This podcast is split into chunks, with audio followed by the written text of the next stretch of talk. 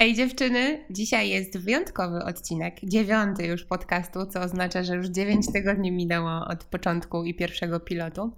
I dzisiaj y, zaprosiłam do swojego y, pseudostudia mojego ukochanego brata, ponieważ uważam, że jest chyba najfajniejszym facetem, y, jakiego znam. I będzie odpowiednim gościem, y, pierwszym chłopakiem podcastu. E, cześć Michu. Cześć Ola. E, Michu, e, no jak już wspomniałam, łączy nas więź krwi. Tak. Ale jest, no, jest moim bratem, jest moim motywatorem. Chyba jako no jako jedno, jeden z pierwszych zawsze wie, co u mnie tam w trawie piszczy. E, i mu się zwierzam z wielu tematów. Uważam, że jest na maksa empatyczny i wrażliwy i można z nim porozmawiać totalnie o wszystkim. A dziś ten podcast będzie trochę o nim i o tym, czym on się zajmuje, ale będziemy rozmawiać też na babskie tematy, bo ja mam parę pytań, które bym mu chciała zadać i żeby mi po prostu odpowiedział z tej męskiej perspektywy. Mogę, z chęcią. Z chęcią. A cię boję się trochę, ale z chęcią spróbuję. Dobra, Michu. Zacznę od tego, yy, bo muszę wam w skrócie powiedzieć, że mój brat jest tak zwanym człowiekiem nieokiełznanym i zawsze szedł pod prąd i doszedł do takiego momentu, w którym robi rzeczy, które lubi yy, i w przeciwieństwie do mnie wiedział to od początku, że tak trzeba. Hipstersko mało mainstreamowa bestia. Nie, nie, nie, nie. W ogóle nie lubię słowa hipster strasznie. A czy nie dlatego, że do ciebie tak nazywają, tylko dlatego, że e, to jest strasznie w sumie stare słowo, bo tak jak na to nie patrzeć, to ile już to słowo ma lat? 10? Więcej, to hipster to chyba jeszcze. Ale takie wiesz, że u nas było bardzo to, popularne. Tak, tak. Coś takiego, nie? I hipster to jest taka osoba, która sobie siedzi w Starbucksie i sobie popija kawę. Według swojego. A że nie, według wielu osób, nie? no Ale okay. z drugiej strony y, hipster na początku to była taka osoba, która siedziała sobie w, y, Starbucksie i popijała kawę, a potem się coś stało i potem to są ludzie, którzy, znaczy teraz to są ludzie, którzy y, robią coś, co jest mało mainstreamowe po prostu. No tak, myślę, że dużo osób tak myśli, nie? że no. mało mainstreamowe oznacza od razu hipsterskie. hipsterskie. No, co jest, co jest złe w sumie chyba, tak w ogólnym rozrachunku. Szczerze, mi się, szczerze ja lubię to określenie. Uważam, że to suma summarum oznacza, że robisz coś wyjątkowego i w sumie no. idziesz swoją ścieżką. Ja tak to trochę odbieram. No tak, ale z drugiej strony można powiedzieć, że jesteś po prostu jakiś tam, wiesz, oryginalny. Co lepiej brzmi, nie? No tak, no. to prawda. Słuchaj, Michał, no tak, porozmawiam o tym, y, czym ty się zajmujesz. Mm, Michał w skrócie teraz ma agencję reklamową Zły Projekt. Tak. Współtworzy go, y, ją z Olą, y, która była w ogóle gościem podcastu ostatnio i też odpowiada za wizerunek mojego Instagrama. No i tak chciałam powiedzieć, jak to było od początku, jak A, się zaczęło. O Jezus Maria, to jest bardzo cienki lód. W sensie, no tak myślę, że w skrócie, bo ja wiem, że tak znam ją, tak, więc wiem, że ona była zawiła i, i, i jakby długa, ale Bardziej mnie interesuje to, że y, no, zawsze robiłeś rzeczy tak trochę punkowo i pod prąd. No, tak. Nie słuchałeś nikogo, bo chciałeś konkretnie to, co sobie wymarzyłeś. No tak. i jak już jesteś w tym miejscu, że masz swoją agencję, ro, robisz to, co lubisz, to mhm. sobie myślisz, czy warto było szaleć tak? czy masz mnie za głupią dzikuskę? nie, e, tak serio to nie wiem, w sensie zastanawiam się czasem nad tym, i myślę, że bardzo nie doceniam tego, gdzie jestem. W sensie nie mówię, że to jest jakieś fantastyczne i niebywałe, piękne mie miejsce, ale, e, ale tak czy siak jakoś marzyłem sobie o tym i po prostu moje marzenia się z biegiem czasu zmieniały, raczej rosły, bo kiedyś nie powiedziałbym, że założę sobie agencję sam. W sensie sam typu no, z moją dziewczyną, ale jakby bez jakiegoś inwestora, mm -hmm. kogoś, kto trzyma pieczę, jakiegoś mentora, rozumiesz, nie? Księgowego. Jakiegoś, albo księgowego, nie? E, I ten, i myślałem, że nie, nie będę w stanie czegoś takiego zrobić. No i skoro jak się, czyli jeżeli chodzi o genezę, no to wyglądało to tak, że byłem w technikum i kolega powiedział mi kiedyś, że bardzo dużo hajsu można zarabiać na stronach internetowych. A I ja... wtedy były w oczach cing, cing, tak, cing, cing. Tak, w skrócie tak, nie? No. I też to, że ty robiłaś zresztą grafiki na Epulsa, e, co mnie jakoś typu wkurzyło, bo zawsze chciałem coś robić kreatywnie, chyba już wtedy. I wtedy było coś Wtedy takiego, wymiatałam w Photoshopie bardzo dobrze? Tak, ty wymiatałaś w Photoshopie i ja byłem taki, ej, ale dlaczego ona jest lepsza niż ja w Photoshopie? Ja muszę być lepszy. No i, i ten, i zacząłem się uczyć i wtedy pamiętam, e, pierwsze moje zlecenia były za pulsary. Robiłem e, prezentacje ludziom w HTML-u. To było takie pierwsze rozbicie banku. Naprawdę? Tak. Tego nie wiedziałam. No, przecież miałem, a myślisz, skąd miałem hajs na Divine? Ej, ale no widzisz, teraz już jesteś w takim miejscu, że tak wymiatasz w, w tym Photoshopie, a ja dalej tylko umiem zrobić serduszka i nałożyć filtr na No tak, no tak. I w sumie nie wiem w ogóle, co się, jak to się stało. Aha, już wiem, co się stało, bo już pamiętam. Bo to, to jest bardzo długa historia, ale ja ci opowiem. Mój kolega Bany, Mateusz Sęgbej, e, on e, zaczął się jarać grafiką 3D i go poznałem właśnie w technikum też. I też w tym samym czasie zaczął się jarać grafiką chyba, jak ja zacząłem się jarać. I, i z nim miałem taką zdrową rywalizację, nie? że Mhm. sobie siedzieliśmy, e, nie chodziliśmy do szkoły, e, tylko siedzieliśmy przy komputerach. Zdrowa rywalizacja. tak, taka zdrowa rywalizacja. E, a czyli no, na pewno nie zdrowa dla naszej edukacji, ale zdrowa, znaczy no w sumie zdrowa, bo wyszło na dobre, ale mm, siedzieliśmy w domu i robiliśmy sobie takie bitwy, że on jakby zadawał mi temat, ja mu zadawałem temat i wtedy mieliśmy na to na przykład 6 godzin, żeby sobie zrobić jakąś pracę w tym temacie, nie? Mhm. e, w Photoshopie, w 3ds Maxie, on wtedy jeszcze się uczył chyba z ZBrush'a. E, i, I ten, i no, i no i tak sobie przez całe technikum się przebujaliśmy, nie chodząc do szkoły, tylko siedząc ja w Photoshopie e, głównie wtedy i robiąc zdjęcia, a on w 3ds Maxie. Zresztą Bany teraz pracuje też jako grafik 3D i projektuje e, postacie do Uuu. gier. No i już nawet jedna gra wyszła. Nie miała jakichś super recenzji, ale i tak duma, bo, bo to była taka gra, która wyszła ogólnie na, na ogólnoświatowym rynku. Mhm. Więc cool, tak czy siak. Nie miała super recenzji, ale była zajebista wizualnie.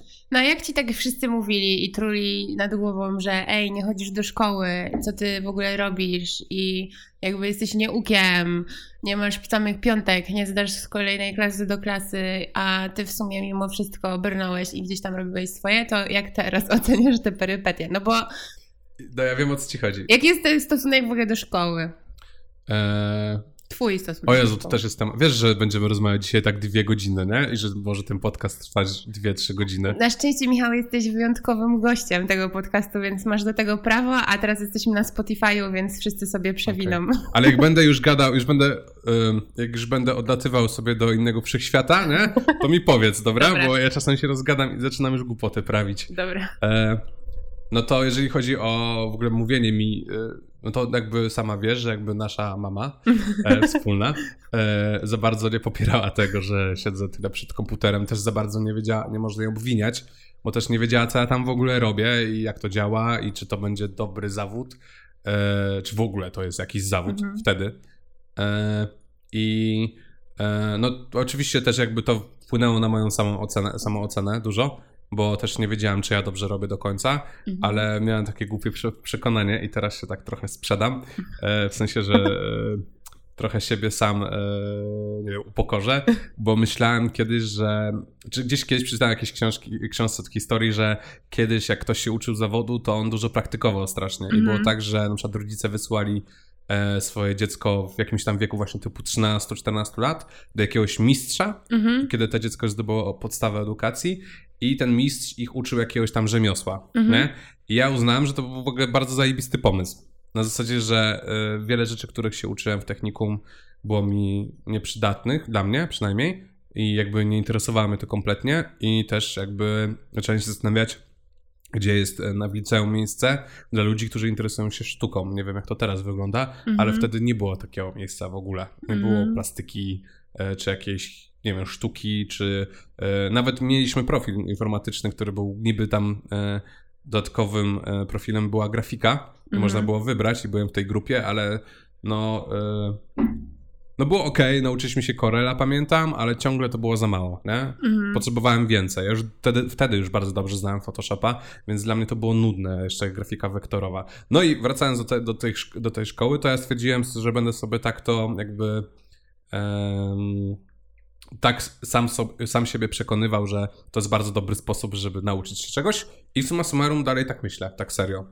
Po prostu, Mhm. że e, system edukacji jest totalnie nieprzystosowany do ludzi, którzy wiedzą w wczesnym wieku, czego chcą, czego chcą w życiu, w sensie co chcą robić. Mhm. E, Plus oczywiście rodzice, którzy y, też często bo mają, ma- mają, jest ku temu uzasadnienie, typu, że widzą u dzieci słomiany zapał, Mhm. E, no tylko, że jak twoje dziecko już robi coś półtora roku, no to chyba już warto się zastanowić, co można z tym zrobić. No tak. E, A wtedy nikt się nie zastanawiał, co można z tym zrobić i ja mam jakiś żal Mhm. do tego, bo bo byłem średnim uczniem, ale szkoła wykorzystywała fakt, że sobie radziłem w jakichś konkursach graficznych i na przykład ledwo zdawałem do klas, z klasy do klasy, ale na apelach wychodziłem po wyróżnienie, nie? Michał Radoń, proszę no tak bardzo. Było. Ale No. pamiętam ten moment, kiedy mama przyszła z jakiejś wywiadówki i powiedziała do i przyszła i mówi. No, ten Michał to może matmy nie umie, biologii też nie, ale wszystkie zawodowe przedmioty ma w sumie zaliczone na piątki, czwórki. I pani powiedziała, że nawet y, z, z grafiki chyba właśnie, że już umiesz więcej niż ona. Możliwe, ale I na pewno ona- z zawodowych nie miałem piątek, to I- na bank. No okej, no ale z tych takich, co cię interesowały i z których mogłeś No tam to tak. E, jakby pokazać swoje umiejętności, no to Mhm. tak. No i pamiętam właśnie, że wtedy mamie się taka lampka zaświeciła, że chyba okej, że to nie jest tak, że dziecko jest stracone i że już z nic z niego nie będzie, bo, bo nie ogarnia tam jakichś podstawowych przedmiotów, tylko jakby po prostu niech się zajmie tym, co go interesuje. Ale chciałam powiedzieć, że ten typek, który siedzi przeciwko, naprzeciwko mnie i z którym teraz rozmawiam, e, zawsze mu na maksa zazdrościłam, bo ja byłam kujonką taką typową, która musiała naprawdę dużo czasu poświęcić, żeby wyciągnąć tę ocenę jakby na pięć, a on w takim ekspresowym tempie zaliczania na ostatnią chwilę potrafił mieć z fizyki, z całego materiału z semestru na przykład piątkę, gdzie mi na przykład z tego nie udało zrobić przez cały pół roku wkuwania, więc jakby No, no, czyli miałem takie sytuacje, nie pamiętam czy z fizyki, ale miałem takie akcje. to była może- fizyka, bo ci zazdrościłam na maksa. Może być, może być, ale to był też nauczyciel fajny. też fajny nauczyciel był. Ale no, fakt, że nasz system, mój i Mateusza wówczas, był taki, że e, e, wszystko zaliczaliśmy na następną chwilę, bo uznawaliśmy, że nie ma sensu, skoro dajemy radę zaliczać wszystko na następną Mhm. chwilę, to po co się tego uczyć na bieżąco i przykładać do tego wagi i wagę. E, ja nie wiem, czy to jest dobre, czy złe podejście i nie polecam nikomu takiego podejścia, bo to jest spacer po linie, ale e, no, w naszym wypadku jakoś tam się to sprawdziło. Nie Mhm. mówię, że jakieś tam sukcesy teraz osiągamy i ja, ja, wiesz, w ogóle IQ 1000, nie? Tylko chodzi o to, że no po prostu to było dla nas ok, bo taki system był wtedy. Mhm, Nie wiem, jak to się przekłada na teraz, jak to wygląda w szkołach, co jest dla mnie też mega interesujące. mhm. W ogóle, czy się coś zmieniło w naszym systemie, bo moim zdaniem był ułomny i jest dalej ułomny i niczego nie uczy, poza tym, że ludzie myślą, że kiedy dostaną pochwałę od nauczyciela, to się, to myślą, że ich czeka świetlana przys- przyszłość. A wszyscy, którzy są już dorośli i po tym systemie typu urodzeni po latach 90., to już dobrze wiedzą, że tak nie jest. Mm. Rzadko kiedy tak jest. No teraz mi taka myśl przyszła, że to jest trochę porównywalne z tym stanem w dorosłości, że w sumie, no, że szkoła jest trochę taką bezpieczną pracą, którą masz, jak jesteś Mhm. dorosły Tak. i że tak naprawdę powinieneś po tej szkole albo Mhm. no, jeżeli masz okazję w trakcie szkoły, jakby robić te rzeczy, na które masz ochotę, nie? Czyli wracasz z zajęć i ciśniesz te e, jakby po prostu Mhm. rzeczy, które cię interesują. Mhm. E, I tak samo jest czasami z pracą. Jak dorastamy, nagle nam się odpala, że są rzeczy, które lubimy, no ale już by wypadało się samemu utrzymywać, Mhm. więc jakby jesteśmy w, na etacie, w jakiejś bezpiecznej, stałej pracy, Mhm. która nam daje po prostu pieniążki co miesiąc. Natomiast powinniśmy swoje zainteresowania rozwijać jakby dalej Tak. po pracy najzwyczajniej w świecie. No fajnie, kiedy nam nasze ulubione zajęcie przyjmu- jakby daje też pieniądze i zarobek, ale no nie każdy ma taką e, możliwość, nie? Zamienić swoją pasję w, No tak. w zawód. To by Acz- się udało. Jakoś, w sensie to nie jest jakiś wielki komercyjny sukces, ale tak. No ale dobra, no ale masz swoją agencję. No trzy lata już, więc Trzy- no to- dajemy radę. No, Nie mamy jakichś horrendalnych długów, więc e, nie ściga nas komornik, więc jest wszystko ok.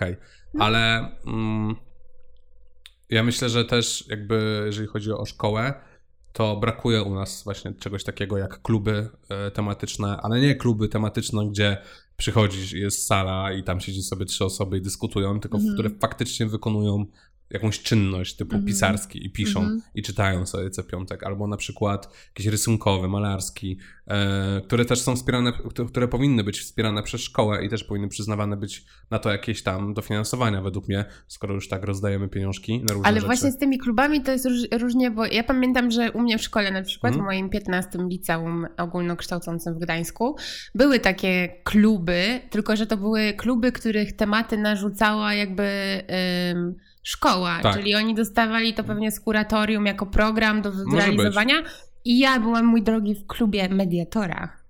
A I- faktycznie, ty byłaś w czymś takim. I wiesz, co się robiło w klubie No. mediatora? Chodziło się do teatru muzycznego za dara, więc to Tak, jest... naprawdę? Tak. Wow. Nie no, rewelacja. Ale z drugiej strony to już, nie, to już jest coś. Tak, naprawdę. miałam wrażenie, że pani z biblioteki, która robiła ten klub mediatora, to była przykrywka, żeby nas zabierać właśnie w takie miejsca, No gdzie tak. jest się bliżej kultury, Mhm, nie? mhm. Że po prostu dostała ten hajs, który powinna wykorzystać, a i tak go wykorzystała na, na, No. na coś takiego bliższego sztuce i kulturze. Więc to było akurat fajne. No ale jak skończyłeś liceum Mhm. i stanąłeś przed wyborem studiów, Tak. To wtedy pomyślałeś sobie, idę, nie wiem, na socjologię zrobię byle co, żeby zrobić i... i... Nie. Nie, ja już od początku wiedziałem, e, już od początku wiedziałem, gdzie chcę iść i już na trzecim roku wybrałem uczelnię i to była PJ, Mhm. bo chciałem iść do takiej uczelni, która jest, znaczy na taką uczelnię, która jest dosyć nowoczesna i ma komputery i można robić zdjęcia i ma sprzęt i można sobie zostać po, po zajęciach i coś tam porobić swojego. Też chciałem e, jakby pamiętam, że już, te, już o tym zapomniałem, ale pamiętam, że chciałem być wśród ludzi, którzy są kreatywni Mhm. strasznie i było mi tego brak okropnie Mhm. e, na, w technikum informatycznym Mhm. jeszcze do tego. Em, I było mi okropnie tego brak, brak, że nie mam z kim o, poważnie pogadać o tym, co chcę robić. Mhm. A nagle tam przyszedłem i się okazało, że w ogóle wszyscy wiesz, z chęcią, nie? Mhm. Rozmawiałem o tym całymi godzinami, nie? niech świat płonie, a my rozmawiajmy. Niech świat się skończy. E, No i to było super. I tak, wybrałem szybko, bo wiedziałem, nie miałem nad czym się zastanawiać, e, typu informatyka, mm, nie, chociaż czasami żałuję, jak patrzę na pensję, Mhm. e, ale, ale z drugiej strony, no, wydaje mi się, że najważniejsze dla mnie, czyli ja się najbardziej bałem tego, że e, moje dorosłe życie będzie tak wyglądać, że będę spędzał, spe, że spędzę resztę życia w pracy, której nie lubię. I to Mhm. było dla mnie chyba do tej pory zresztą jest najbardziej przerażające, że będę pracował gdzieś, gdzie w ogóle nie lubię być. Mhm. Czyli twoim największym koszmarem jest sen o tym, że siedzisz, nie wiem, i kręcisz kebaba. No, na przykład, no, bardzo, bardzo dobra praca, nie? Ale, ale ten, ale no myślę, że ci chodziło bardziej o to, że na przykład e, no będę robił jakąś taką robotę, w której będą mnie na przykład wykorzystywać, nie będę jej lubił, bo Mhm. po prostu nie będę nic potrafił, bo więc złapałem się czegokolwiek. Mhm. E, więc co ja w ogóle tu robię i dlaczego? I wtedy do mnie dopada. I wtedy ludzi zazwyczaj dopada moment, w którym sobie myślą, znajdę sobie jakąś zajawkę. Mhm. No tak. Nie? I ja się tego bałem strasznie, bo ja będę po pierwsze już stary, bo będę miał te 25 lat, nie? Mhm. Stary i e, już będzie za późno dla mnie na jakąkolwiek naukę, bo będę musiał się skupiać na zarobkach i poniekąd miałem rację, tak mi się wydaje. E, więc e, no patrząc na to, co teraz robię, bo też teraz jest tak, że są rzeczy, które chciałbym robić więcej, albo mocniej, albo fajniej, ale też muszę patrzeć na to, jak na tym zarobić. Więc e, już widzę pewne ograniczenia, a gdybym pracował w ogóle w Mhm. innej pracy i chciał robić to, co teraz robię, to bym w życiu tego nie robił. No Nie, ma, nie ma możliwości. Nie, nie pogodziłbyś do tego po prostu nawet czasowo. Ale myślę sobie teraz, tak jak rozmawiamy, że jakby zawsze jest czas na taką zwykłą, prozaiczną pracę, bo prawda jest taka, że dopóki jesteśmy młodzi i są te chęci w nas, Mhm. takie i mamy swoje zajawki i chcemy się rozwijać, to tak naprawdę powinniśmy wykorzystać ten moment, a nie pakować się w taką robotę, bo, bo nie wiem, mama każe, bo wypada, albo No bo tak. zarobki są super. Mhm. E, bo będziemy jeszcze pracować ileś tam naście lat tak No, do- naprawdę. do- praktycznie I do może być tak, że w pewnym momencie, nie wiem, znudzi nam się kreatywna praca i Mhm. stwierdzimy, dobra, idziemy na jakąś ciepłą posadkę, nie? I tyle. Raczej, no tak, z drugiej strony wydaje mi się, że jakby kreatywność też, jakby jeżeli faktycznie ktoś jest kreatywny, to jest trochę w nim i to jest zakorzenione i to po prostu jest część niego, ta Mhm. kreatywność, więc on się tego nigdy nie pozbędzie i ja to Mhm. też wiem po sobie, bo rzeczy, już wiele rzeczy robiłem w swoim życiu kreatywnych E, I czasami jest tak, to jest taki głód, wiesz, że muszę coś zrobić kreatywnego, nie? Bo, bo musisz się nasycić. Tak, bo jakoś się muszę tym nasycić, nie? Że zrobiłem coś kreatywnego i każdy kreatywny to chyba powie, że czuje taki głód co jakiś czas. A z jakiej rzeczy, którą zrobiłeś, takiej właśnie w pracy kreatywnej, byłeś najbardziej dumny? I to nie musi być teraz zawodowa, no chyba, Mhm. że jest. Znaczy nie, no... Ale taka w ogóle w całym twoim, e, jak pamiętasz, kiedy byłeś pierwszy raz z siebie taki zadowolony i dumny, że ci się udało? Wiesz co, było kilka takich etapów, ale z naj... taki pierwszy faktycznie to chyba jak miałem szóstkę na liternictwie u pana Kamińskiego, czy to była piątka chyba, bo bardzo niewiele osób miało, a ja miałem, a robiłem książkę, która składała się z kresek. What? Tak, i, No. i robiłem książkę i tematem przewodnim była kreska, taka mała, biała kreska malowana pędzlem. I To, to, był, brzmi jak coś, co tylko ty mogłeś zrobić. i, I to był mój temat przewodni i pan Kamiński bardzo docenił moje starania. To znaczy, ja, ja za tym, czu- e, to było bardzo celowo zrobione, bo e, chciałem sobie ograniczyć środki artystyczne jak najbardziej Mhm, i spróbować zrobić coś z nich. mhm, I jak mój tok myślenia się e, sprawdzi, bo kiedy mamy nieograniczoną ilość środków artystycznych, to zaczynamy często przesadzać i, i też jakby em, powstaje duży chaos, a kiedy masz ograniczoną, a przesadzać, też idziemy na łatwiznę, a kiedy mamy ograniczoną e, ilość środków, to wte, wtedy bardzo szybko robimy się bardzo kreatywni. mhm. I chciałem zobaczyć w ogóle, jak to na mnie, jak to na mnie trochę wpłynie i co ja z tego będę w stanie zrobić. Nie było to nic rewelacyjnego, ale z drugiej strony, jeżeli ktoś spojrzał na tą książkę i faktycznie ona była, e, motywem przewodnim była kreseczka, e, no to okej, spoko. Mhm. Nikt by raczej nie powiedział, co to jest za shit i wyrzucił, tylko może z ciekawości by obejrzał, nie? To, to Mhm. było fajniejsze. A druga to jak zrobiłem dyplom na uczelni e, z, e, z Pawłem I. To zrobiliśmy markę odzieżową i zrobiliśmy tego klip, kiedy wtedy jeszcze nigdy nie robiłem klipów za bardzo e, i też nie mieliśmy za takiej duż... nie mieliśmy tony sprzętu i w sumie wyszło fajnie. Znaczy jak Mhm. na naszą dwójkę, która gdzieś tam działała, załatwiała lampy, No całą produkcję, no bo modelki, makijaż, modelki, skołowaliśmy makijaż, pomijając fakt, że wtedy jeszcze jak, jakby nie byłem jakoś rozwinięty estetycznie, w zasadzie, że moja estetyka to, to uwielbiała w ogóle 80s wtedy strasznie i to Mhm. było to. I, ale w ogóle jeszcze zrobiliśmy ciuchy, to też warto wspomnieć. Tak. Jeszcze same ciuchy zrobiliśmy i zdjęcia do tego. I, em, I to było fajne. To w ogóle do tej pory patrzę na to czasami i myślę, spoko. Gdybyśmy dalej to pociągnęli wtedy, to myślę, że coś nawet z tego by było większego, tylko że po prostu y, koniec studiów i w ogóle mm, dużo rzeczy się wydarzyło. No to prawda. Em, No to tak chciałam powiedzieć, że mój brat w ogóle od zawsze był zdolny i teraz sobie właśnie przypomniałam a propos twojego upodobania do y, lat 80. Moją, moje zaproszenie na osiemnastkę. Tak, właśnie, jeszcze ci robiłem zaproszenie na osiemnastkę. W ogóle ja to jej dalej mam gdzieś na komputerze. Ja też to chciała. mam gdzieś na No. mailu, ale to po prostu jest hit. I, on, I wiecie co, i jak patrzę na to zaproszenie, to sobie myślę, że naprawdę no było wtedy, to było zajebiste, a teraz Tak. dalej jest dobre, więc w ogóle szacun. No, No dobra, no jakby wali tak trochę kiczem, ale Tak, też ta tak, osiemnastka tak. była kiczowata. Znaczy nie, no wtedy, wtedy wiesz, było zachłysnięcie się też e, fotomontażem przez wiele osób, nie? Tak.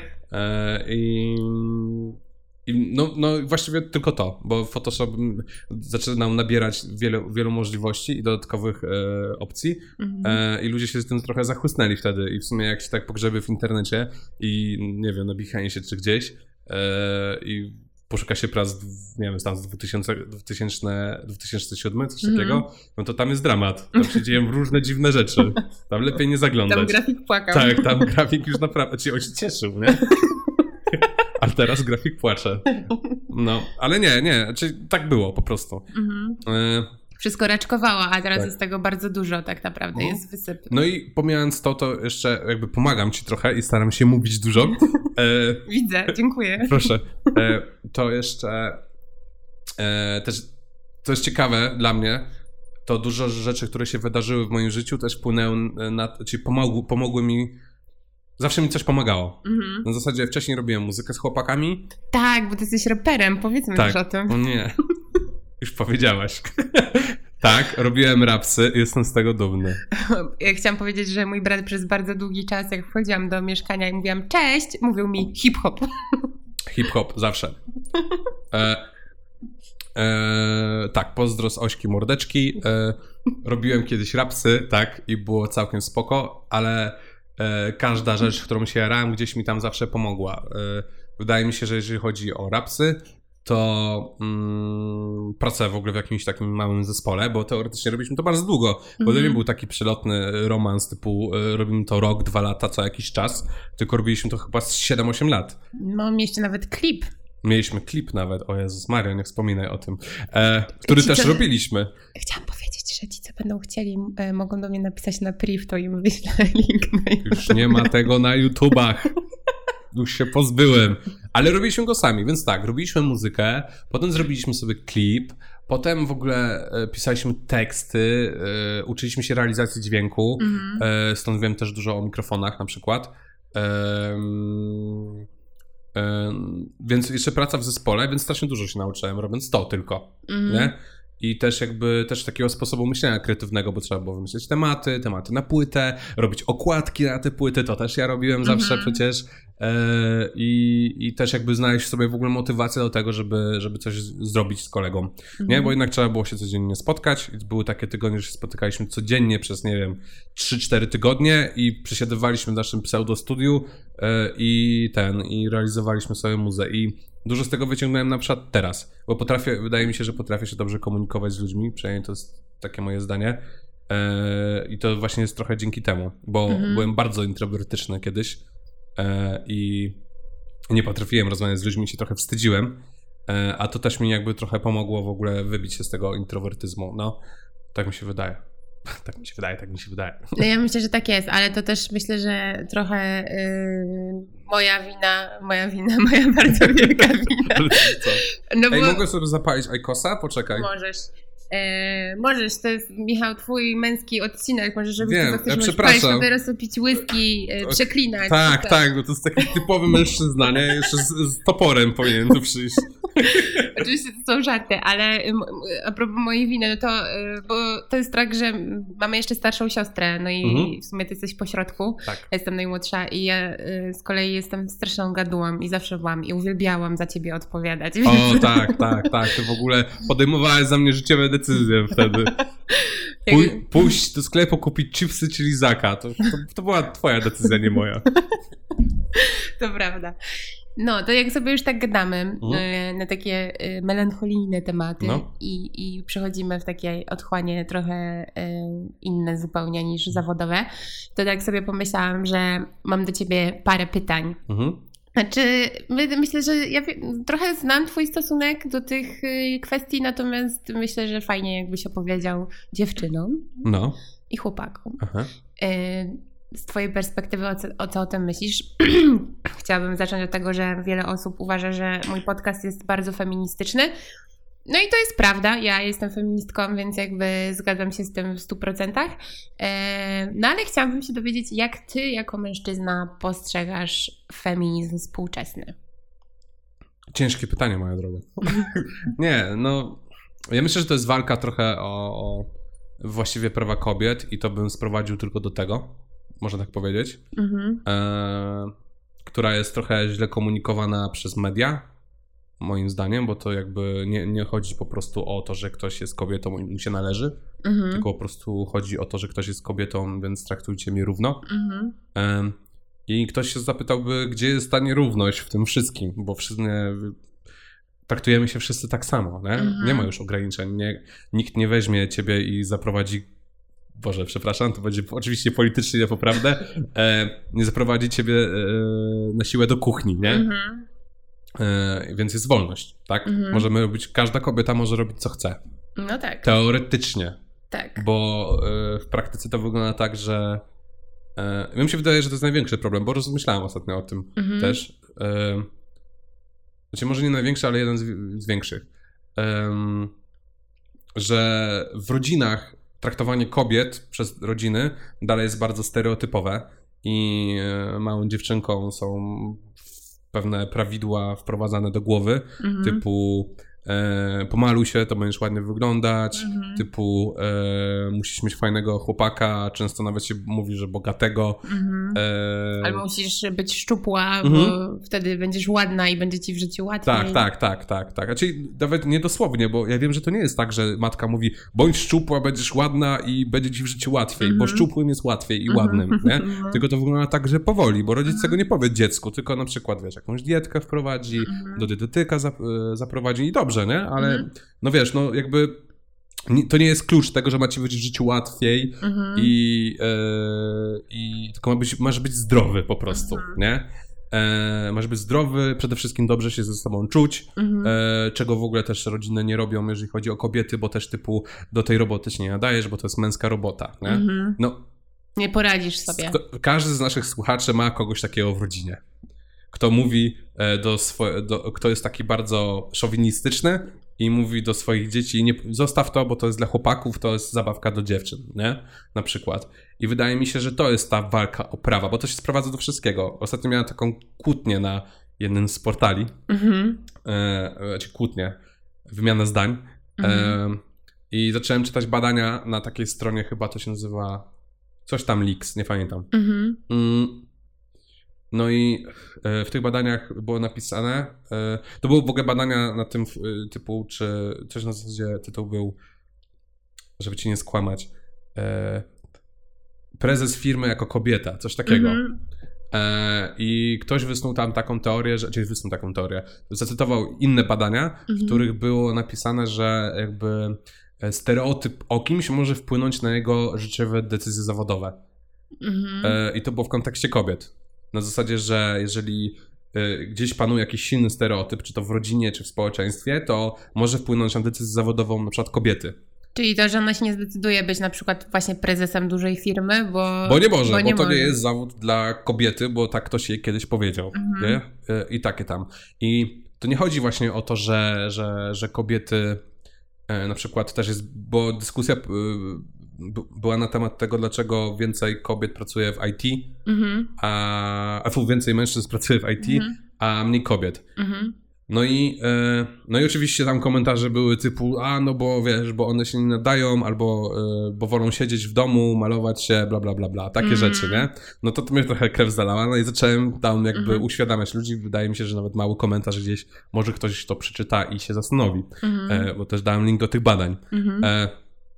I no i to jest moim zdaniem właśnie spowodowane tym, takim stereotypem o kobietach, Mhm. że kobiety się nie nadają, bo kiedy jesteś małym dzieckiem i ktoś ci mówi maluj się, bądź piękna, bo brzyd, brzydka kobieta to zła kobieta, e, pamiętaj, żeby mężowi ugotować, ugotować zawsze obiad, nie? Mhm. I takie rzeczy, to ona już w ogóle przestaje to zauważać. A matki też traktują bardzo ciężko córki. E, no, No, często bywa tak, że relacja mama-córka Mhm. jest, są trudne, nie? Mhm.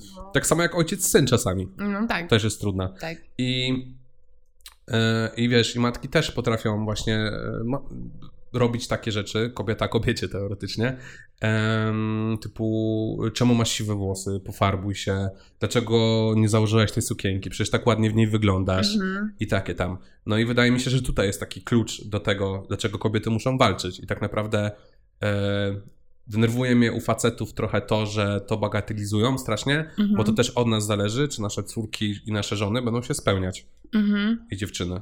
No tak. No bo też, też od nas to zależy. I generalnie nie podoba mi się cały podział e, feminist, czy kobiety, mężczyźni i ta taka głupia kłótnia między feministkami a mężczyznami, bo w ogóle to nie ma sensu, żadna kłótnia według mnie nie ma Mhm. sensu, taka dziwna zażarta, bo właściwie mężczyźni też mają dużą rolę w tym, jak się czują kobiety i największą i też powinno się ich uświadamiać w tym. Tak, i właśnie jak y, myślę sobie, że trochę z tego takiego stereotypu, tak, kobiety, która nie może być sobą, tak, Mhm. że musi spełniać jakieś tam stereotypowe role, Mhm. e, nagle urasta taka w ogóle femme fatale e, Mhm. i to jest taka totalnie przeciwieństwo w ogóle tej takiej czułej kobiety, Mhm.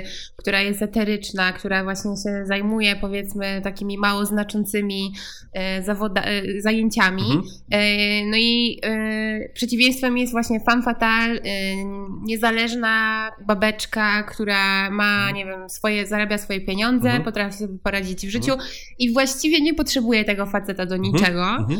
Y, I wtedy pojawia się coś takiego, że faceci przeżywają kryzys. Mhm. Kryzys męskości. Tak. I ja trochę myślę Mhm. sobie, znaczy, ja nie wiem, nie jestem mężczyzną, Mhm. nie wiem, trudno mi jest określić. No, mogę powiedzieć sobie jedynie o tym, że spotykałam się z kilkoma, Mhm. z kilkoma mężczyznami, no i tak myślę sobie, że jest jakiś po prostu może bardziej nie kryzys męskości, ale w ogóle kryzys związków i zaangażowania, ale to jest jakby pytanie osobne. Mhm. Natomiast czy uważasz, że istnieje kryzys męskości? Znaczy w takim kontekście, że na przykład nie może się opiekować kobietą. Tak, no, że, że jakby, że nie możesz się opiekować kobietą, Mhm. że czujesz, że jesteś, nie wiem, mniej zaradny, Aha. niepotrzebny, Nie że nie zarabiasz. spełniasz swojej roli jako mężczyzna. Mhm. Jakby, czy uważasz, że mężczyźni tak y, Czy tak, ja, tak, to jest prawda, bo faceci lubią się opiekować i wydaje mi się, że to jest kwestia też jakaś e, ewolucyjna, Mhm. że faceci e, mają jakiś instynkt, taki jak e, kobiety mają instynkt matczyny, nie? Mhm. Silny, silniejszy na pewno niż faceci, e, to, mm, to faceci mają taki instynkt, którego nie potrafię w sumie nazwać, że lubią się opiekować. Czyli to jest takie głupie... Taką głową rodzinę. Tak, czyli to jest, to jest pokłosie tego, że po prostu jeszcze nie dorośliśmy na to tyle mentalnie większość ludzi, żeby sobie z tym poradzić, z tym instynktem i go wygłuszyć, bo to Mhm. trzeba wygłuszać w sensie. E, czy dobrze, czy źle, to nie wiem. Wydaje mi się, że warto o tym rozmawiać ze swoją Mhm. partnerką na pewno. E, o tym, że się ktoś źle czuje. Mhm. Z czym, jak wy wiemy, faceci też mają problem. Mhm. E, I, I to jest takie, takie, takie echo, taki instynkt, nie? I, i więc niektórzy faceci mają, wiesz, więcej testosteronu jakby w sobie i oni są tacy butni, wiesz. Em, bardzo męscy, bym tak powiedział. Chociaż nie wiem, co to oznacza do końca. Em, bo, no i, no i mają więc jakby, też jakby kwestia tego wychowania, nie? Mhm. Bo też faceci mają ten problem, o którym rozmawialiśmy w stosunku, e, który, się przekła- który jest u kobiet, o, których rozma- Mhm. o którym rozmawialiśmy przed chwilą, czyli facetom też się mówi, musisz być męski, dbać o swoją żonę, Nie możesz płakać. nie możesz płakać, musisz być twardy, jak ktoś cię zaczepi, to wpuść, spuść mu w pierdol Mhm. i takie tam. I to, Mhm. jest, I to jest legit, każdy też, może nie każdy, ale na pewno też dużo osób, może akurat nie w, u twojej widowni, Mhm. bo, bo to pewnie większa część to są kobiety, ale też faceci mają z tym problem. I też Mhm. dlatego myślę, że ta kłótnia feministyczną, e, feministyczna z mężczyznami trochę, trochę się gdzieś zgubiła, bo nie odbijają już piłeczki i nie rozmawiają. Typu, problem jest trochę w was, problem jest trochę z naszym, nie wiem, w nas, bo wychowujemy tak swoje córki, albo jakaś część kobiet wychowuje tak swoje córki i e, wydaje mi się, że to jest obustronny problem, ale tego nie, nie da się wykorzenić od razu, bo to jest kwestia pokoleń. Bo Mhm. jeżeli ktoś został wychowany przez swojego ojca tak, że musi być męski na przykład, nie? Mhm. I on musi być zawsze tą alfą i omegą we wszystkim e, i samcem alfa, Mhm. no to ciężko będzie go teraz oduczyć, że e, nie, stary, przestań. Nie wiem, roz, naucz się rozmawiać z ludźmi. Bądź łagodniejszy. Bądź łagodniejszy, ale nie chodzi o to, żeby był łagodniejszy, tylko chodzi o to, żeby myślał jakby, co jest dla niego korzystniejsze, nie? Mhm. E, typu rozmowa z ludźmi jest bardzo korzystnym Mhm. narzędziem i faceci tego nie robią, więc to jest trochę pętla. Bo No z jednej tak. strony faceci e, są wychowywani tak, żeby trochę tępić kobiety e, w jakiś sposób, właśnie typu zadbaj o swoją żonę, ty masz zarabiać jak najwięcej pieniędzy i masz utrzymywać dom. Że ona nie musi. Żona nie musi, Mhm. nie? E, Nic złego, nic złego Mhm. się nie dzieje, a właśnie dużo złego się dzieje, bo wtedy taki facet myśli sobie to, okej, to zróbmy sobie dziecko, ty siedź teraz w domu, jak będziesz chciała, to sobie pójdziesz do pracy i nie. I facet wtedy bierze ten cały ciężar też jakby na siebie, Mhm. sam siebie okalecza Czyli właściwie. tak naprawdę to jest takie trochę błędne koło. Tak, no, to jest błędne koło według mnie. Ale jeżeli chodzi o sam, sam feminizm, no to myślę, że jakoś tam siebie mam za feministę i bardzo wspieram kobiety, które ym, są bardzo y, samoświadome i są, i są świadome tego, y, są świadome tego, że y, są w jakiś sposób uciskane, Mhm. y, bo są. I, mm, I zresztą razi mnie szowinizm strasznie u facetów. Nie lubię haseł typu właśnie, nie wiem, iść do kuchni, tam jest twoje miejsce, rozumiesz, nie? No. Nawet w żarcikach troszeczkę. A szczególnie jeżeli ktoś jakieś głupie hasa puszcza do kobiety, to jakoś mnie to razi w uszy, po prostu gryzie mnie. I, i wydaje mi się, że to po prostu też jest e, kwestia jakby zrozumienia feminizmu. Mhm. Bo ja lubię jakby naciągać swoje granice i na przykład kiedyś nie byłem takim feministą, Mhm. ale też chciałem poczytać o tym, dowiedzieć się jak najwięcej i lubię się postawić po, z drugiej stronie barykady Mhm. i sam ze sobą prowadzić dyskusję, ale dlaczego tak, dlaczego tak. I w moim ogólnym rozrachunku wychodzi na to, że feminizm tak ma sens, tak jest potrzebny i tak robi dużo.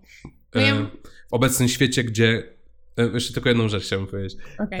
W obecnym świecie, gdzie e, jest dużo skrajności e, i ciężko przebić się dobrym słowem po prostu, to też jakby w każdy... Stąd się ro- rodzą skrajności, bo ciężko im się przebić dobrym słowem Mhm. po prostu. I ktoś chce porozmawiać o czymś, ale druga strona mu nie daje, więc dwie strony zaczynają na siebie wrzeszczeć po prostu. Bo nie mogą się przebić przez własne Tak, słowa. bo nikt, no ja sobie nie wyobrażam takiej zajebistej dyskusji, że siedzi, e, nie wiem, lewica z prawicą i oni sobie uprzejmie wymieniają się argumentami, nie? Mhm. Nawet w naszej telewizji jest tak, że politycy na siebie wy, wydzierają się, nie, da, nie dają sobie dojść do słowa, rzucają jakimiś w ogóle oskarżeniami, to Mhm. jest cyrk. I tak samo jest tutaj trochę. Znaczy, myślę, że już teraz wchodzi taki łagodniejsza forma feminizmu i bardziej dojrzalsza. Ja tak przynajmniej uważam, że ja już jestem tym pokoleniem i to młodsze pokolenie, które Mhm. idzie za mną. W tym dyskursie feministycznym umuje też mężczyzn.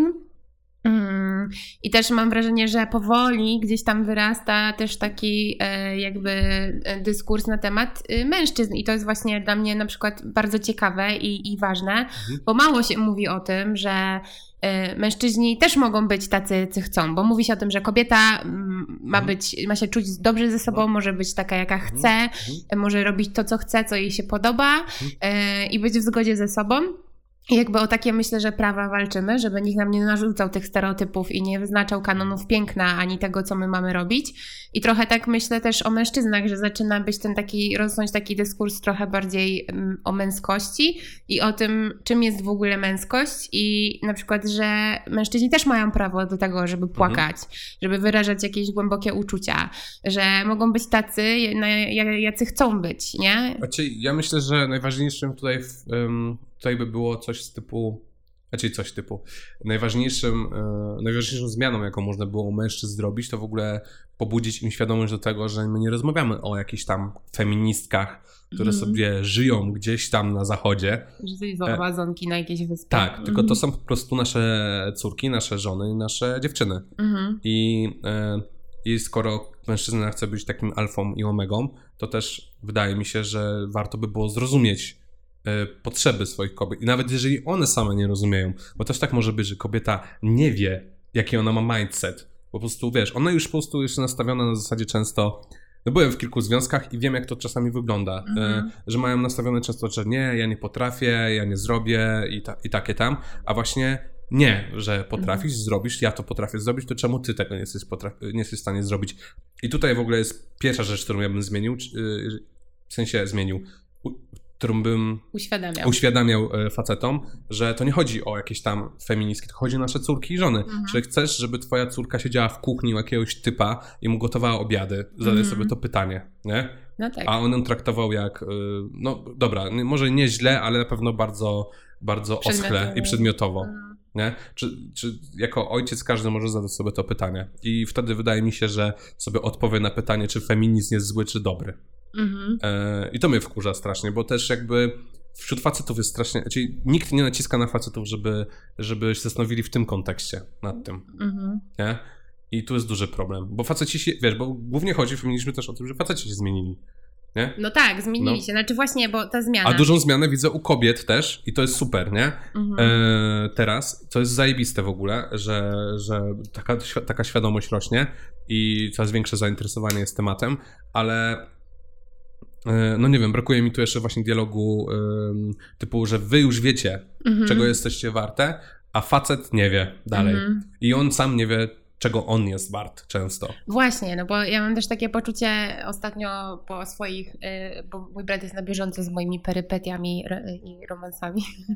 No i jakby ja mam, y, no bym powiedziała, y, ostatnio takiego pecha trochę w miłości, ale, bo może sobie tak wybieram, ale spotykam się z takim stanowiskiem, raczej, że na przykład mężczyźni nie chcą się angażować, że wydaje im się, że na przykład związek to jest coś, co, co odbiera, w czym nie możesz się zrealizować, e, bo, bo nie wiem, bo masz przecież tyle swoich zajęć jakichś fajnych, a jak jesteś w związku, to musisz dbać o tą dziewczynę i poświęcać jej po prostu tyle czasu, że już nie, nie starcza ci na te twoje fajne zajawki. Mhm. I jakby to też mnie strasznie boli, że jest w ogóle taka wizja relacji i związku. Mhm. E, a co mnie najbardziej rozwala, to to, że mężczyźni często gęsto nie. Pot... Znaczy, ty potrafisz, tak? Bo też jest trochę tak, że wyrosłeś w takim babskim domu, gdzie Tak. były same kobiety, Mhm. więc jakby summa summarum zostałeś do tego zmuszony, żeby mówić o, o rzeczach. Mhm. E, natomiast e, są mężczyźni, którzy tego totalnie nie potrafią i nie potrafią nawet powiedzieć, że nie wiem, no na przykład słuchaj, ja nie wiem, chciałbym, trochę cię za dużo, nie wiem, w moim życiu ostatnio. Może byśmy po prostu trochę zchillowali albo może byśmy po Nie. prostu... Znaczy to nie o to chodzi w ogóle.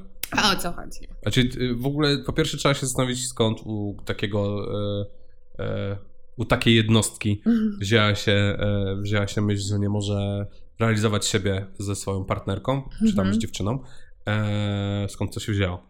Jak Mhm. myślisz, skąd to się wzięło? To jest pytanie do ciebie. Nie wiem, z domu pewnie. Nie, a może się spotykał z takimi kobietami po prostu wcześniej? No, możliwe. No, znaczy ja myślę, że tak prawie na pewno. E, też kiedyś miałem taki sposób myślenia. Mhm. E, I to wynika często z tego, że i właśnie tutaj wracamy do tematu e, znowu kobiet, że jest dużo dalej kobiet, może, nie wiem, bo ja już Mhm. nie szukam. Mhm. To, ale wydaje mi się, jak ja szukałem jeszcze jakiejś dziewczyny, to miałem często problem z tym, żeby dziewczyna miała jakąś swoją zajawkę i miała, potrafiła sama ze sobą spędzać czas. Mhm. I Ale nie, ja mam takie, znaczy no nie wiem, bo po prostu też obserwując, wie- wiesz, znasz moje koleżanki, większość z nich jest na maksa zaradna, ma swoje zajawki. Może taka bańka po prostu. I mam wrażenie, że tak przerażamy trochę tych mężczyzn A, tą niezależnością i taką trochę y, byciem na równi partnerką. Tak, możliwe. Jakby, ale dlaczego? No bo tak jak rozmawialiśmy, ten kryzys męskości, nie? Że oni No. chcą być ciągle, wiesz, tą osobą, która jest y, top a top. Mhm. Że jest zawsze troszeczkę wyżej z jakiegoś powodu. I to jest, to jest ten instynkt, przepraszam, ten instynkt, y, w którym chcesz się kimś opiekować. Bo Mhm. jeżeli masz się kimś opiekować, to musisz być od niego trochę silniejszy w jakiś sposób. Mhm. I to działa tak, że to nie jest tak, że w ogóle my o tym wiemy, bo dużo facetów nie wie, dlaczego tak czuje Mhm. i dlaczego tak robi i się nawet nad tym nie zastanawia. Mhm. E, bo to też chodzi o poziom jakby autorefleksji, e, jak- jaką ktoś ma. E, więc to jest bardzo złożone wszystko, ale e, często to wynika na przykład z tego, jeżeli chodzi o takie mówienie pod tytułem, znaczy mówienie typu, e, że chciałbym mieć czas na swoje Mhm. pasje, e, czy coś często to jest bez sensu. No Mhm. po prostu spotykasz kogoś e, i też musisz się z nim przyjaźnić. To nie chodzi o to, żeby po prostu z nim być. Mhm. I to jest moja dziewczyna, nie? I Mhm. E, I to jest moja dziewczyna to teraz. Okej, już odsuń się, już teraz nie muszę być moją dziewczyną, bo ja muszę pograć na pianinie na przykład, Mhm. nie? To kompletnie nie o to chodzi, tylko raczej chodzi o to, żeby ej, chodź, posłuchaj, jak gram na pianinie, nie? Albo powiedz mi, co o tym myślisz, albo weź posiedź, nie? Mhm. Posłuchaj i tyle, wiesz, żeby potrafić spędzać ze sobą czas w jednym pomieszczeniu, to też jest ważne, nie? No tak. No, ale też oczywiście jest ważne, żeby się umieć odciąć. A nie myślisz, że to też jest kwestia trochę y, poczucia wartości, że trochę przez to, że urósł taki trochę kult kobiety, że kobiety, no teraz jest, mamy dużo głosu swojego, co jest w ogóle dobre i Mhm. zajebiste, ale tak zapomniało się o tym męskim głosie i mam czasami wrażenie, że mężczyźni stracili swój rezonans i grunt pod y, nogami i jakby y, Nie wiedzą, jak się zachować. nie wiedzą, jak się zachować, Mhm. to jest jedna rzecz, ale też taka po prostu, że nie wiedzą, co mają zrobić z taką kobietą, która na przykład się realizuje. No i jak to? Ja się nie realizuję i ona się realizuje, to jak to? tak? No i do tego, bo się czują gorsi, to się to sprowadza do tego wszystkiego właśnie, typu tego instynktu. Według mnie, to jest moja opinia i nikt, nikt się Mhm. nie musi z nią zgadzać kompletnie, ale według mnie to się sprowadza do tego instynktu, że oni chcą być tą osobą, która ogarnia. Po prostu zwyczajnie Mhm. w świecie, ja ogarniam, ja się zajmuję. I że są często faceci szukają kobiet, którymi będą mogli się zająć. Mhm. Jakoś lekko gdzieś tam skrzywdzonych, Mhm. bądź y, w jakiś sposób ułomnych, na Mhm. zasadzie, wiesz, życiowo. Y, I, Może nie mówmy ułomnych, tylko może niezaradnych. E, zabrakło mi słowa. e, tak, e, niezaradnych życiowo. E, i, e, i, I szukają często takich kobiet, nie? I Mhm. to też jakby jest takie trochę dziwne i. Czyli wydaje mi się, że w ogóle w Polsce są faceci też trochę bardzo zagubieni w tym temacie. Mhm. Też nie wiedzą, jak się odnaleźć w takiej rzeczywistości. E, też, e, wiesz, to jest ja zawsze myślę o rzeczach takich skomplikowanych, bardzo takim drzewkiem, drzewkiem decyzyjnym, które Mhm. jest dosłownie jeszcze odwrócone y, do góry nogami i zduplikowane, nie? że staram się zawsze na każdą gałązkę wskoczyć i zobaczyć, co tam jest, nie? Mhm. I czy to jest dobra strona, czy to jest zła strona. I w ten sposób staram się dojść do jakichś wniosków, ale ciężko tutaj wyciągnąć dlaczego, bo jest zbyt dużo zależności. Mhm. Według mnie, bo to jest y, jak facet został wychowany, czy nawet, wiesz, to, bo to nie musi być tak, że on w ogóle, y, bo są faceci, którzy są, wiesz, bardzo jakby e, męscy znowu w cudzysłowie, Mhm. e, w cudzysłowiu, e, i, e, ale na przykład ojciec z nimi rozmawiał i Mhm. oni potrafią rozmawiać też z kobietami, No to prawda. no i e, albo są bardzo czuli, No to prawda. e, mimo wszystko, mimo że na pierwszy rzut oka Ale na tak, bo to, tak, ja, ja mam takiego kolegę, e, Maciek słucha podcastów, No. który w ogóle jakbyście na niego spojrzeli, to byście pomyśleli, że Boże, co za twardziel, że taki koleś, który po prostu taką silną ręką Mhm. by rządził na Mhm. chacie, a jest takim misiakiem, że po prostu, no, Ale to jest właśnie, dlatego mówię, to jest zbyt dużo czynników, żeby e, podjąć decyzję e, i powiedzieć, dlaczego tak jest. Bo nie wiem Mhm. w sumie do końca, dlaczego tak jest. Za dużo, za dużo rzeczy w życiu faceta. I wydaje mi się, że nigdy nie będzie tak, że, że oni. Czyli na pewno to się zmieni, nie? Jak, ale pojawi, pojawią się inne problemy wtedy. mhm. Bo poja- po- pewnie, jeżeli nawet facet by był w stanie zrozumieć e, w ogóle czego szuka, kim jest, jaka jest jego rola w społeczeństwie i takie Mhm. tam, to pojawiłyby się zaraz inne problemy. E, typu też problemy są z dziećmi, Mhm. e, problemy z właśnie pasjami, Mhm. z pracą, co jest dla nich ważne, pasja, praca, wyjazdy, Mhm. cokolwiek. Mhm. Czy rzeczy materialne są ważne, co też się ostatnio dużo zmienia wśród przynajmniej moich znajomych. E, w sensie po prostu powiedzenie sobie, co jest dla siebie ważne, czy otaczanie się pustymi przedmiotami po prostu, czy, czy jakieś nowe doświadczenia na Mhm. przykład, albo pasje i takie tam. A jakbyś, y, znaczy, no, nie jesteś psychologiem, żadnym ekspertem No, behawioralnym. w ogóle. W ogóle. Ale y, y, chciałam cię zapytać jako mężczyznę, Mhm. jak lubisz, kiedy kobieta z tobą rozmawia o uczuciach? W sensie, w jaki sposób ma to robić, żeby z ciebie wykrzesać jak najwięcej informacji? A, no to siada naprzeciwko mnie i rozmawiamy. to jest Wow. ten sposób.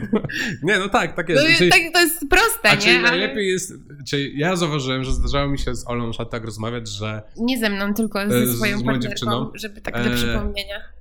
y, z moją dziewczyną y, siadamy i rozmawiamy i ona często mi rzuca taką bombę po prostu. A wiesz, i, i Ale ty jej odpowiadasz, czy mówisz, Odpowiada, dobra, a czyli mówisz, wtedy- dobra, wychodzę, muszę to przemielić i Nie, wracam nie. i ci odpowiem. Nie, czyli to, to rzadko się zdarza w ogóle, y, ale że musimy o czymś pogadać, na zasadzie Mhm. takim, że nie mamy o czym, bo jest dobrze i, i wszystko się układa, ale zdarzały się sytuacje, to zawsze była taka bomba i wtedy po pierwsze już miałem bekę z tego, że y, w ogóle co ty mi teraz tu rzuciłeś, tu moje naczynia, a ty mi rzucasz jakąś bombę, a po drugie, y, po drugie, no rozmawiam z nią po prostu, ale to, ja to ja. Mhm. Wiem, wiem, jakie problemy mają faceci i też wiem, mm, wiem, czy ja, po prostu moje jakby nastawienie do tego wszystkiego wynika z tego, że ja się chowałem z kobietami. Zawsze. Mhm. Wszędzie, za każdym razem były same kobiety. Zawsze. E, Gdzie nie mieszkałem. E, najpierw z naszą mamą, potem z naszą kuzynką, e, potem nawet psa jeszcze mieliśmy, który był słuczką. E, w ogóle same kobiety. I, e, I w ogóle umiem rozmawiać z kobietami i dobrze się czuję w towarzystwie kobiet.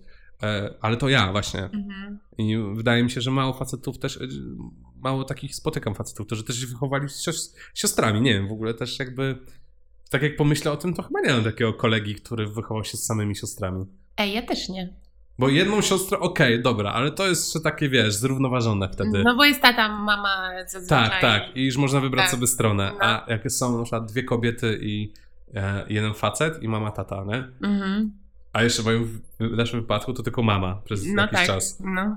Więc nie wiem, nie wiem. e, Bardzo, bardzo zastanawiające teraz to dla mnie się zrobiło. Nieważne. W każdym, razie, w, każdym, w każdym razie to wszystko, co mówię, to jest jakby tylko moje zdanie i jakby moje spojrzenie na świat. Staram się ciągle to wszystko sobie poukładać.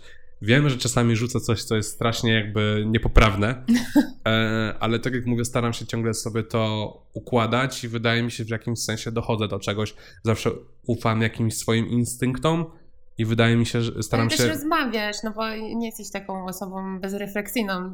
Często rozmawiamy na takie jakieś bardziej głębokie i znaczące tematy i Mhm. nawet no, nigdy się raczej nie przekrzykujemy i nie, no, kiedy już ten czas szarpania się ze sobą, to mamy za, jakby już dawno no, daleko mhm. ze sobą, natomiast ym, bardziej myślę, że po prostu dochodzimy do jakichś wspólnych refleksji. Często ty mi otwierasz na jakieś kwestie oczy i zazwyczaj to są y, na przykład właśnie relacje damsko-męskie, bo mój brat zawsze mi powtarza, że mam się szanować i że nie jestem taboretem i nie można na mnie siadać.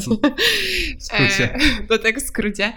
E, więc myślę, że się wymieniamy, że to jest wymienne, tak? Myślę, że to, że wychowałeś się ze mną, z Elwirą mhm. i z mamą, mhm. to trochę ci dało takiego mm, zdrowszego podejścia do relacji z kobietą, mhm. czyli teraz w sumie ze swoją dziewczyną Olą. Znaczy, ja też miałem tak, tak, że nigdy nie chciałem krzywdzić jakiejś kobiety, w sensie nawet jak już byłem starszy i wiesz, miałem ten okres dojrzewania, że, mm. że, że dużo randkowałem jakieś takie rzeczy, ale też nigdy nie chciałem żadnej kobiety krzywdzić, a nawet jeżeli miałem taki okres, że myślałem, że mogę, mm -hmm. to mhm. się potem z tym strasznie chujowo czułem. Mm -hmm. e, i, I to jest kwestia po prostu też jakby poziomu autorefleksji. Mhm. Bo nie, nie, można oczekiwać, że wszyscy będą mieli wysoki poziom autorefleksji. I tutaj nie mówię, że ktoś jest głupi. No, ale czy... to też brzmi trochę jak odpowiedzialność za drugą osobę i za jej uczucia. Za to, no że tak, robisz coś ale, komuś i, i ale to trzeba sobie, wpływa, Wiesz, ale właśnie jakby trzeba umieć spojrzeć na siebie i powiedzieć, ej, to co robię jest dobre. Ej, to co mhm. robię jest strasznie złe. Mhm. A niektórzy nie mają takiego poziomu autorefleksji i dużo ludzi też jakby nie zdaje sobie z tego sprawę, że nie można oczekiwać tego, żeby y, pan y, Jan Kowalski lat 67 e, miał taki poziom autorefleksji, nie? Mhm. Bo może nikt nigdy nie potrzebował mieć takiego poziomu autorefleksji, bo żył w innych czasach na przykład, albo w innym kompletnie otoczeniu. Mhm. I też jakby, e, co jest właśnie często dla mnie śmieszną rzeczą, typu szowinizm u starszych e, facetów mhm. E, i rzucanie tekstami, ale jakby na przykład jak od nich słyszę jakieś takie szowinistyczne odzywki czy coś, to wiadomo. Jest, Bierzesz na to poprawkę. Jest jak, jakaś granica, nie? Ale biorę na to poprawkę, to dobra, to jest stary wilk, już go niczego nowego nie nauczymy, nie? Mhm. I okej, okay, spoko, a dużo osób też się oburza, nie? Mhm. E, ale wydaje mi się, że jesteśmy na etapie, w którym staramy się to wszystko jakby e, zbalansować, więc przyjdzie czas, że e, w Polsce przynajmniej, że ludzie lat 67 będą mieli ogromny respekt do wszystkich, e, nie tylko do, do siebie i i będą mogli, będą mogli po prostu, będziemy mogli żyć w lepszym społeczeństwie, ale właśnie po to jest jakby cała walka i to nie mówię tylko o feminizmie, ale o różnych innych nurtach też. Mhm. E, bo no dalej nie rozumiem czemu. Po prostu do mnie tak w skrócie nie dociera dlaczego ludzie nie mogą żyć jakby w jakby jednej zgodzie i mhm. zawsze rodzą się podziały na tych gorszych, złych mhm. i takie tam I, i, czemu nie można załatwić to jednym posiedzeniem po prostu. Mhm. Ale też właśnie, tak jak mówię, to też jest kwestia generalnie wychowania, nie? Mhm. I, I, tak jak wiemy, że na przykład nasz szwagier potrafi czytać sobie komiksy tak. e, Preachera e, na kanapie mhm. w wolnym czasie, a ile on ma lat teraz? Paul teraz będzie miał 50 chyba. No to 50 lat. No. no. to jak ja, nie wiem, myślałbym, że mój tata na przykład mhm. e, e, będzie siedział i czytał w wieku 50 lat na kanapie komiksy, to myślałem, wow, ale to by było cool, nie? Mhm. E, albo grał w gry. Mhm. E, czy coś w tym stylu. No i to jest cool i to już widać, że się jakby rzeczy po prostu, wiesz, powoli zmieniają, zmieniają, zmieniają. No to jest proces, nie? Mhm. Jakby nie można tego oczekiwać, ale tak, każdy musi być wytrwały, każda ideologia musi być wytrwała i, i, i czekać na swój moment spełnienia, tak powiem. No, e, i, no i chyba jeżeli chodzi o to, to mam tyle do powiedzenia. That's done. Nie, no dużo strasznie. Po prostu e, zawsze w takich dyskusjach się gubię, bo e, wtedy właśnie wchodzę na te swoje drzewka i... I skaczesz z gałęzi tak, na gałąź. nie, no zasadzie powiedzmy, że tutaj, e, tutaj jest, po prawej jest za, po lewej jest przeciw, mm. nie? Mhm. I ja wtedy na przykład idę na lewą, a potem mówię, ale wiesz, ale wiesz. I wtedy skakuję na prawą, nie? Gałązkę. Ale to dobrze, bo... I trochę sam siebie czasami... E, Zaprzeczasz sam sobie. Sam sobie, ale to wynika z tego, że staram się zawsze przełożyć komuś moje dwa spojrzenia. Nie mam takiego, nie mam zazwyczaj. Jestem bardzo neutralnym człowiekiem, co jest czasami złe, ale nie mam takiego jednego kierunkowego myślenia, tylko staram się zawsze myśleć o dwóch stronach. Na zasadzie, czemu to jest, jest, dobre, czemu to jest złe, gdzie jest skrajność, gdzie jest granica. Czy... To jest też trochę takie zdrowe, bo wtedy nie uogólnia się i nie wrzuca się wszystkich do jednego wora, tak. tylko też się bardziej patrzy jednostkowo, nie? No. Indywidualnie, w zależności od sytuacji, od człowieka, tak? Od tego, jak to się potoczyło. No. Bracki. Co, chcesz zamienić się miejscami? switch, switch teraz. Ej, e, myślę sobie, że gadamy już godzinę i w ogóle fajnie się gada. No, jak chcesz, to możemy rozmawiać dalej. Ja nie mam to, Naprawdę. E, I no, no, no, a na przykład jakbym miała cię zapytać, hmm, A w ogóle jaki twój jest stosunek do mężczyzn? To teraz ja ci zadam pytanie. o, A czy w sensie, jak myślisz, mm, jak myślisz, co myślą o sobie faceci? Tak, ta, taki powiedzmy, y, nie mówię o jakimś konkretnym facecie i postaraj się nie myśleć w, ten, w tej kategorii, Y, no bo często obieramy sobie jakiś taki obiekt, nie? No na to- którym się wzorujemy. Więc Mhm. pomyśl sobie, jak, co, co myślą o sobie faceci teraz w Polsce? znaczy, Jakie jest twoje zdanie? Bo jestem ciekaw twojego spojrzenia po prostu. Znaczy, ja na pewno nie znam wszystkich facetów w Polsce. Na, Mhm. Będę starała się nie odnosić do jednostki, odniosę się do grona mężczyzn, których znam. Właśnie jakby... W sensie takich. Ogólnym. Znaczy, ogólnie. A, nie, dobra. że jakby do jednostek Mhm. mi najbliższych, tylko do których znam i bym podzieliła ich na takie Mhm. dwie, dwa obozy. Na takich, którzy są na maksa odpowiedzialni. Mhm. Mm, którzy są właśnie tacy w cudzysłowie męscy, ale w taki stereotypowy bym powiedziała sposób, czyli są zaradni, tak, by byli w stanie utrzymać kobietę, Mhm. jakby, e, ale też ją, to może już nie jest stereotypowa, ale by, by ją wspierali i tak dalej. Em, więc myślę o nich, e, myślę o tej jednej grupie, ale często mm, wydaje mi się, że są bardzo zamknięci, Mhm. na przykład na jakąś taką bliskość. Mhm. e, I, I właśnie rozmowy o uczuciach, to z nich wypływa w, tylko w jakichś określonych sytuacjach. Mm, Ale też bardzo są wspierające i to Mhm. na maksa w nich cenię. No. A druga grupa to jest trochę takich mężczyzn, którzy są takimi. Ja mam takie wrażenie, że mężczyźni y, w dzisiejszych czasach są czasami bardzo lekkoduszni y, i przeciągają sobie ten wiek, w którym muszą Mm. stać się trochę bardziej odpowiedzialni i jakby. Nie wiem, mniej się bać. Mm, a, I w sensie, też- że, że przyciągają sobie... Czej. A, że mniej się bać czego w sensie? mniej się bać odpowiedzialności na przykład. Mhm. e, mniej się bać wchodzenia w relacje. No. Jakby zawsze relacja wiąże ze sobą jakiś strach, no bo człowiek się angażuje i różnie tak. to może bywać, więc jakby Na to jest początku. wpisane w ryzyko Tak. e, tej zabawy. Ale też myślę sobie o tej grupie trochę tak, że są niepewni siebie. W sensie, że nie znają poczucia własnej wartości i to mnie tak strasznie wkurza. No, Bo- faceci mają dużo kompleksów na przykład, Tak, i w ogóle o tym też się nie mówi, że mężczyźni mogą mieć kompleksy. I ja na przykład widzę tych facetów, którzy są po prostu, no szczerze, ta grupa, Mhm. pomimo, że jest mniej jakby mm, Odpowiedzialna? odpowiedzialna, ale jest lekkoduszna, jest moją ulubioną częścią. No tak, no bo to są tacy, Bo to wiesz... są często takie bardzo wartościowe osoby, Mhm. które mają mnóstwo empatii, y, Mhm. no, mężczyźni pełni wrażliwości, y, ale nie mają poczucia takiej własnej wartości, że naprawdę mogą góry przenosić i mogą dać ten pierwiastek, taki dobry pierwiastek męski i Mhm. podzielić się na przykład nim z kobietą czy z w ogóle z kimkolwiek Mhm. e, i robić coś fajnego, że naprawdę znam takie wąsko, wąskie, wąskie grono mężczyzn, z którym mogę sobie tak na luzie porozmawiać, tak na przykład z tobą. Mhm. Jakby między nami nie ma teba, tematu tabu, Mhm. ja z tobą mogę porozmawiać o seksie, o wszystkim po Mhm. prostu, bo mimo, że jesteś moim bratem, to w Mhm. ogóle nas to nie krępuje.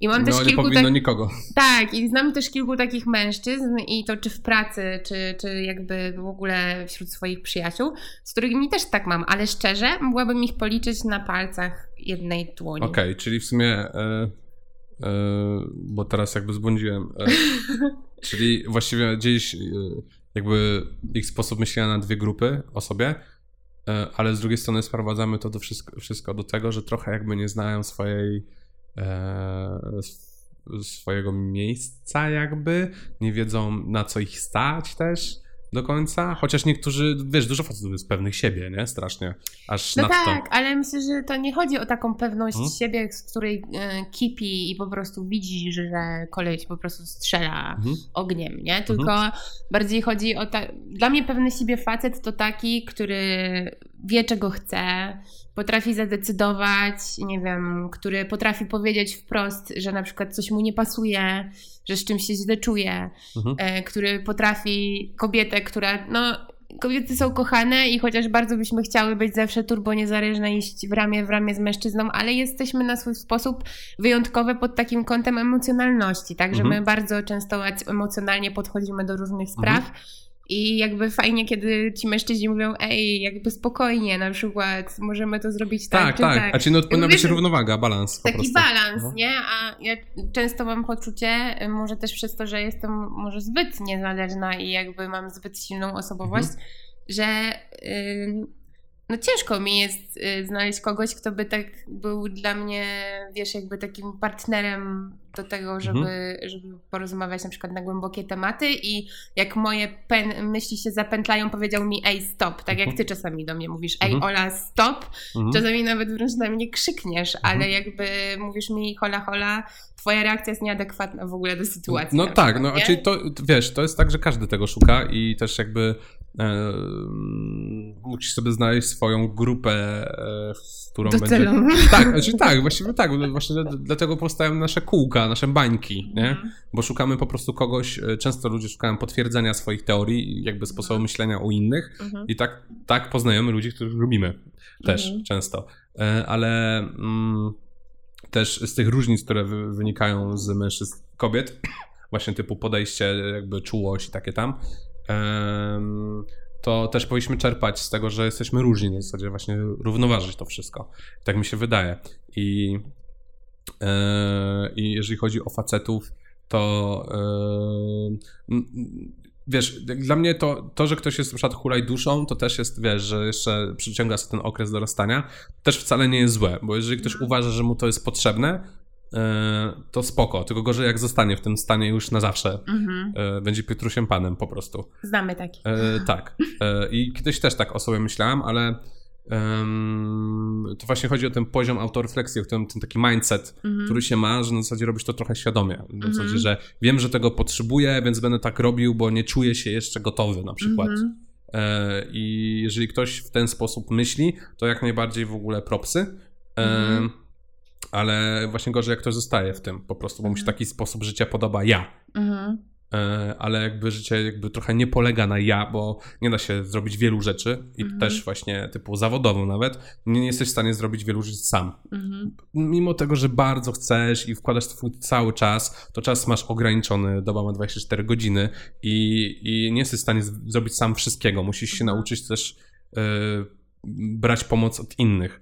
I e, no i właściwie jeżeli chodzi o e, taki psychiczny stan u mężczyzn, to też na przykład, nie wiem czy wiesz, w Polsce jest o wiele większy odsetek samobójstw wśród mężczyzn niż kobiet na przykład. To są bardziej skuteczni, nie? E, Tak, są bardziej skuteczni, ale też jakby... No to okrutnie brzmi, ale taka jest prawda, nie? Że często, do- badania pokazują, że często kobiety popełniające samobójstwo Mhm. chcą zwrócić na siebie uwagę, Mhm. a ich jakby e, sam czyn jest no, e, nieskuteczny, a mężczyźni często nie komunikują na przykład, że mają złe samopoczucie albo coś jest nie tak, tylko po prostu Tak, po prostu. e, działają, Bo nie? właśnie tak, e, jak mówiliśmy, to często siedzą w swojej głowie i się z tym nie dzielą i po prostu stwierdzają, że nie ma sensu się z nikim dzielić i też nie szukałem nigdzie pomocy Mhm. przez to i wydaje mi się, że jak miałem taki problem, to mimo wszystko i tak bym miał jakiś y, jakieś y, traktowałbym takie wysokie schody, na które muszę się wspiąć, że muszę kogoś poszukać y, jakiegoś terapeuty pomocy. Jakbym był w takiej sytuacji, wiesz, że miałbym Mhm. jakieś myśli samobójce, samobójcze, ale myślę, że no y, też warto też właśnie o tym dyskutować, bo z czegoś to wynika, nie? Mhm. Ta liczba samobójstw. A nie wiem, jak to wygląda dokładnie w jakichś tam statystykach, ale wydaje mi się, że liczba zgłoszeń do psychologa mężczyzn jest o wiele mniejsza niż kobiet. Tak, oczywiście, E, tak. Bo, czy tak mi się wydaje, no bo wiadomo, jesteśmy... No to nawet Sara po- podawała A no właśnie, no ja e, chyba nawet jej to pytanie zadałem zresztą. No. E, I, e, I no, problem jest, tutaj jest kolejny problem też się jakby w ogóle rodzi, że mamy to jakby, ta statystyka, że jest więcej samobójstw wśród mężczyzn e, też pokazuje nam, jaki jest problem w ogóle. Mhm. I jak to się przekłada, jaki problem mają ze sobą faceci w ogóle. Mhm. I też e, pomijając to, w jakich czasach żyjemy, że wiesz, natężenie informacji, e, Instagramy, kasa i takie tam, e, to też wpływa na to na pewno bardzo, ale właśnie po to mamy szukać pomocy na przykład u Mhm. specjalisty.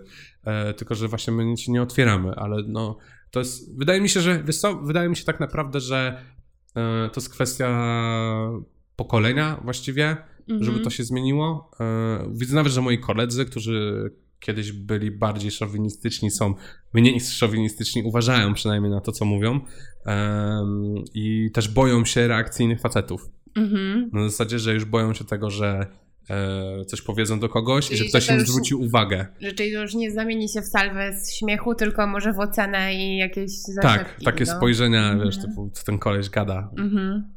Człowieku, Opanuj się. tak, nie jesteśmy w średniowieczu. No. E, I, i, to też się zmienia, ale mm, ciągle to jest prze- przerażające dla mnie, że, że właśnie jest taki duży odsetek, bo to jest naprawdę duża, duża różnica, nie? To jest Mhm. ogromna różnica i też jakby bardzo mało osób o tym gada, też nie wiem jaka jest pomoc od państwa w ogóle i też brakuje mi u nas mm, jakichś kampanii takich edukujących. No ale widzisz, zatoczyliśmy trochę koło w naszej rozmowie, Mhm. bo jakby wracamy do tej wrażliwości i kryzysu męskości, Mhm. bo Mhm. właśnie to, o czym ty mówisz i o tym, że mężczyźni nie są w stanie wyrażać swoich emocji, bo po prostu mają inne, inaczej są Mhm. Znaczy, zaprogramowani. Tak, oni to nie są w stanie nie do tego, że oni nie są w stanie i o tym wiedzą, tylko często nie są w stanie i o tym nie wiedzą.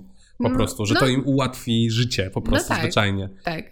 I jakby wracamy do tego, żeby właśnie y, powstały takie kampanie, bo ja, tak jak y, jest teraz bardzo duży ruch feministyczny, dużo się o tym mówi. Mhm. Mam wrażenie, że media typu Instagram Mhm. y, bardziej sprzyjają temu kolorowemu światu kobiet, który Mhm. jest po prostu atrakcyjny, bo, bo tak.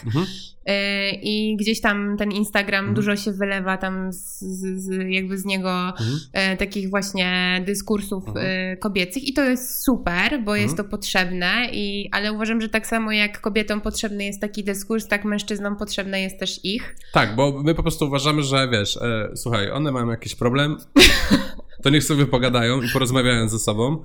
E, a że tak serio jest, tak dużo facetów myśli, nie? Aha, no to E, że, sprowadzają to do, tak, do, one mają jakiś do, do problem. babskiego gadania. Tak, znaczy nie do dobowskiego, ale typu niech sobie porozmawiają ze sobą. Mhm. My, jako faceci przecież, to my nie mamy żadnego problemu. Niech one sobie dyskutują. To nie jest nasz problem. Rozumiesz? No tak. Ale to jest głupie. W sensie, dlatego też w taki sposób staram się to przedstawić. To jest głupie po prostu, bo e, właśnie tak jak mówiłem, zataczam znowu koło, ale tak jak mówiłem, to jest też problem facetów, nie? Bo chodzi A o... ja myślę My właśnie jesteśmy teraz... praktyczni i praktyczne by było bardziej dla każdego faceta, gdyby ich kobieta była, wiesz, e, samoświadoma, pewna Mhm. siebie, wiedziała na co ją stać i takie Mhm. tam, bo dla nas to by było praktyczniejsze. Tak samo jak mówiłem o tym IT, to Mhm. też by było praktyczniejsze, gdyby więcej kobiet było na rynku pracy, kiedy ciągle jest zapotrzebowanie na e, programistów i deweloperów e, i ciągle zapotrzebowanie. I na przykład dużo osób się burzyło, pamiętam właśnie jak Intel chyba jakieś tam darmowe wykłady tylko dla kobiet zrobiło. I było oburzenie, dlaczego tylko dla kobiet, nie? I dlaczego uważasz, że więcej kobiet powinno być na politechnikach?